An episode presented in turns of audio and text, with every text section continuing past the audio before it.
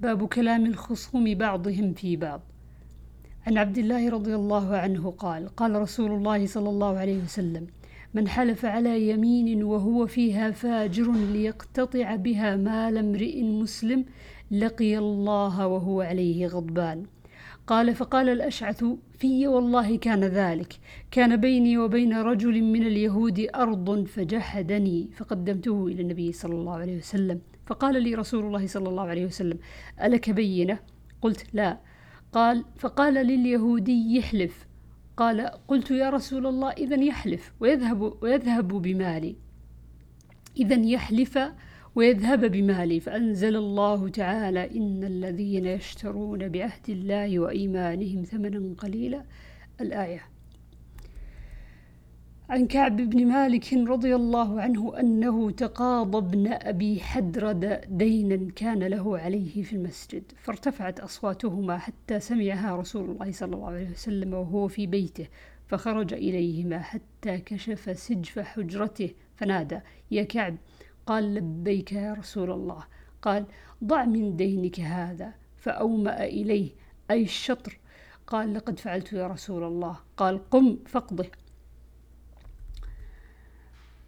عن عبد الرحمن بن عبد القاري أنه قال سمعت عمر بن الخطاب رضي الله عنه يقول سمعت هشام بن حكيم بن حزام يقرأ سورة الفرقان على غير ما أقرأها وكان رسول الله صلى الله عليه وسلم أقرأنيها وكدت أن أعجل عليه ثم أمهلته حتى انصرف ثم لببته بردائه فجئت به رسول الله صلى الله عليه وسلم فقلت إني سمعت هذا يقرأ على غير ما أقرأتنيها فقال لي أرسله ثم قال له اقرأ فقرأ.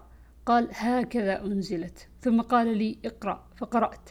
فقال هكذا أنزلت. إن القرآن أنزل على سبعة أحرف فاقرأوا منه ما تيسر. باب إخراج أهل المعاصي والخصوم من البيوت بعد المعرفة. وقد أخرج عمر أخت أبي بكر حين ناحت عن أبي هريرة رضي الله عنه عن النبي صلى الله عليه وسلم قال لقد هممت أن آمر بالصلاة فتقام ثم أخالف إلى منازل قوم لا يشهدون الصلاة فأحرق عليهم. باب دعوى الوصي للميت. عن عائشة رضي الله عنها أن عبد بن زمعة وسعد بن أبي وقاص اختصما إلى النبي صلى الله عليه وسلم في ابن أمة زمعة. فقال سعد يا رسول الله أوصاني أخي إذا قدمت أن أنظر ابن زمعة أمة زمعة فأقبضه فإنه ابني.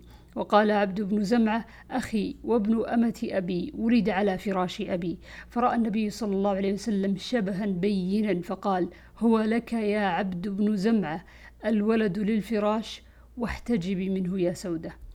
باب التوثق ممن تخشى معرته وقيد ابن عباس عكرمة على تعليم القرآن والسنن والفرائض.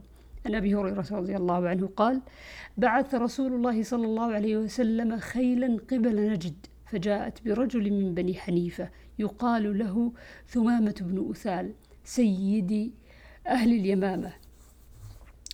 فربطوه بسارية من سواري المسجد فخرج إليه رسول الله صلى الله عليه وسلم قال ما عندك يا ثمامة؟ قال عندي يا محمد خير. فذكر الحديث قال أطلقوا ثمامة. باب الربط والحبس في الحرم.